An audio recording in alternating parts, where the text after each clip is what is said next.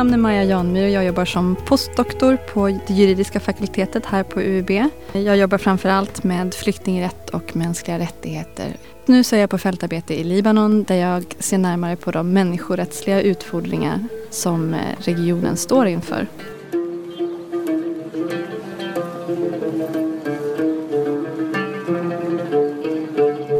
Det vi hör här är en helt vanlig söndag på kornischen i Beirut, strandpromenaden. Det är den dagen det är mest folk på Cornichen. Det är kvinnor och barn och det är kristna och sunnimuslimer och shia-muslimer. Alla egentligen samlas på Cornichen och det är det här som är så himla fint. Och folk som säljer majskolvar och sockervadd. Folk som spelar instrument och försöker tjäna lite extra pengar.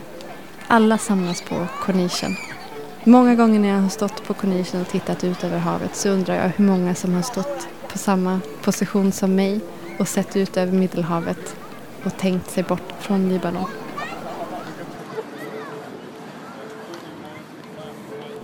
Syrias naboland er hardt grund pga. flyktningstrømmen. Men ifølge Maya Janmyr er situasjonen i Libanon særlig prekær.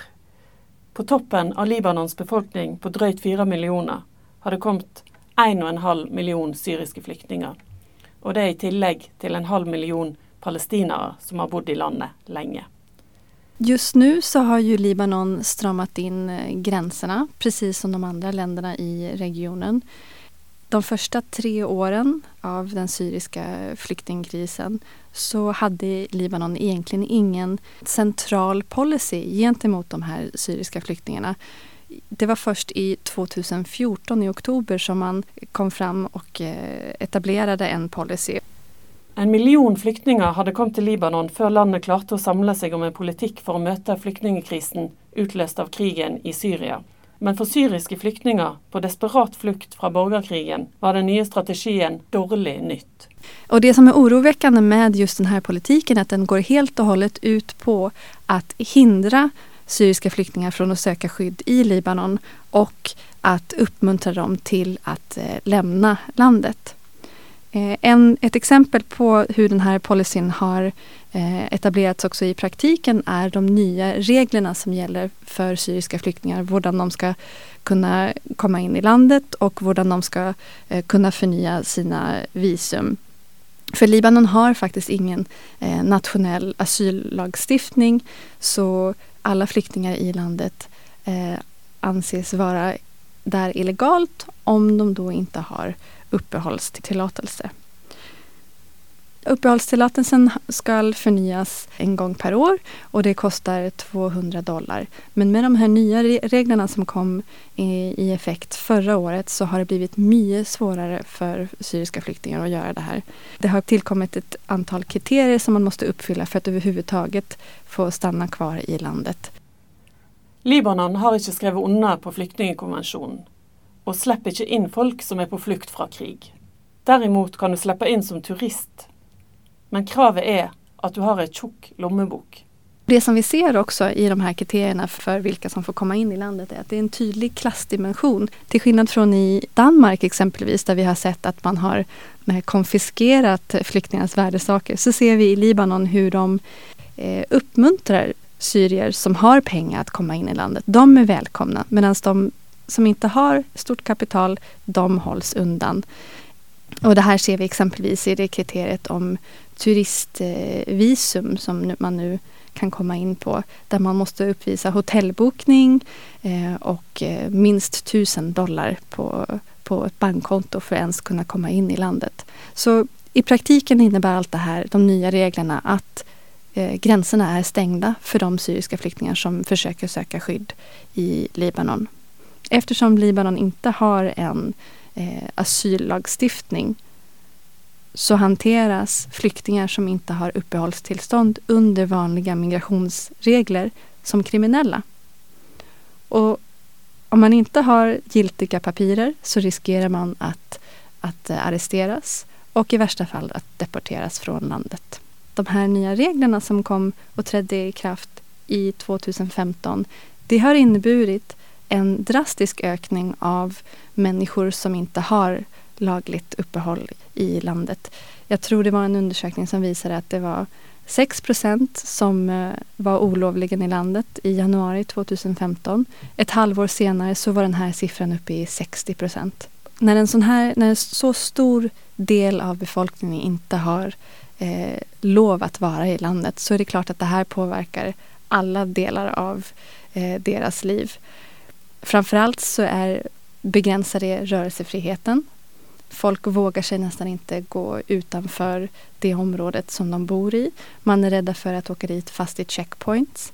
Ehm, man har ingen rätt att eh, eh, gå i skola, man får vanskligt att nå eh, hälso och sjukvård. Man har till och med svårt att ta sig till hjälporganisationer och UNHCR, då, FNs flyktingorgan, på grund av att man inte har legal status.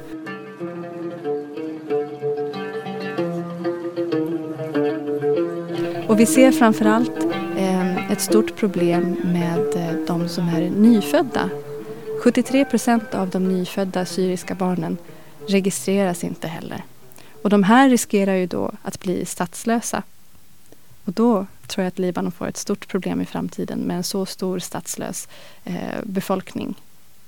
Grunnene til at flyktningers retter i Libanon står så svakt, er mange. En av de er dårlig økonomi hos hjelpeorganisasjoner. En annen historiske årsaker som går tilbake til Israel-Palestina-konflikten. Hjälporganisationerna i Libanon är kroniskt underfinansierade. Eh, jag såg eh, precis nyligen att UNHCR har endast fått in 10 procent av den budgeten som de har beräknat för 2016. Men jag tror att det finns i alla fall tre grunder till varför syriska flyktingar i Libanon har så svagt rättighetsvärn. Och den första av, den, av dessa grunderna det har att göra med flyktingkonventionen.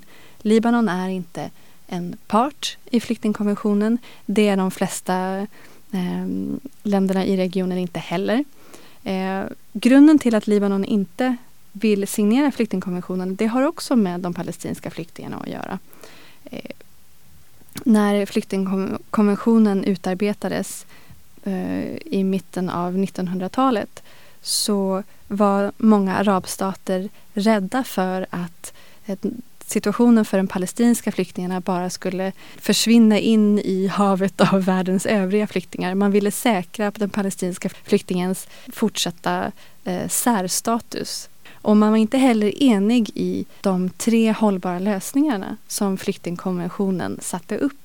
Och de här är då eh, retur till hemlandet, integrering i asyllandet eller vidarebosättning till ett tredje land.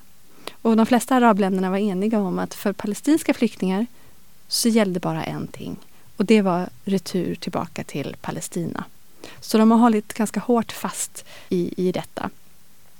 Den andra grunden till varför syriska flyktingar har så svagt eh, rättsvärn i Libanon det har att göra med de här nya rättsreglerna som då kom 2015 som jag nämnde tidigare. Den tredje grunden som har stor påverkan på flyktingars rättigheter är också att sedan eh, starten av den syriska flyktingkrisen så har eh, alla syriska flyktingar som har kommit till Libanon hanterats under eh, libanesiska säkerhetsorganisationer, alltså General Security Office. Och detta har då inneburit att man alltid har sett flyktingar mer som en säkerhetsrisk istället för rättighetsbärare. Och detta har då genomsyrat hur man också då eh, hanterar flyktingar. Att flyktingar blir sett på som en säkerhetsrisiko vises inte minst i det faktum att de flera platser i Libanon har förbud mot att bevege sig ute efter klockan sju om kvällen. Man har i flera kommuner satt upp stora banners eh, där det står att eh, utlänningar inte får vara utomhus efter klockan 19.00. Eh, eller att utländska arbetare inte får vara utomhus efter klockan 19.00. Och det alla vet är att detta då syftar på syrier. Men inte vilka syrier som helst utan det syftar på de eh, fattiga arbetande syrierna. Så har man gott om pengar så kan man eh, lätt eh, köra förbi i sina flashy bilar.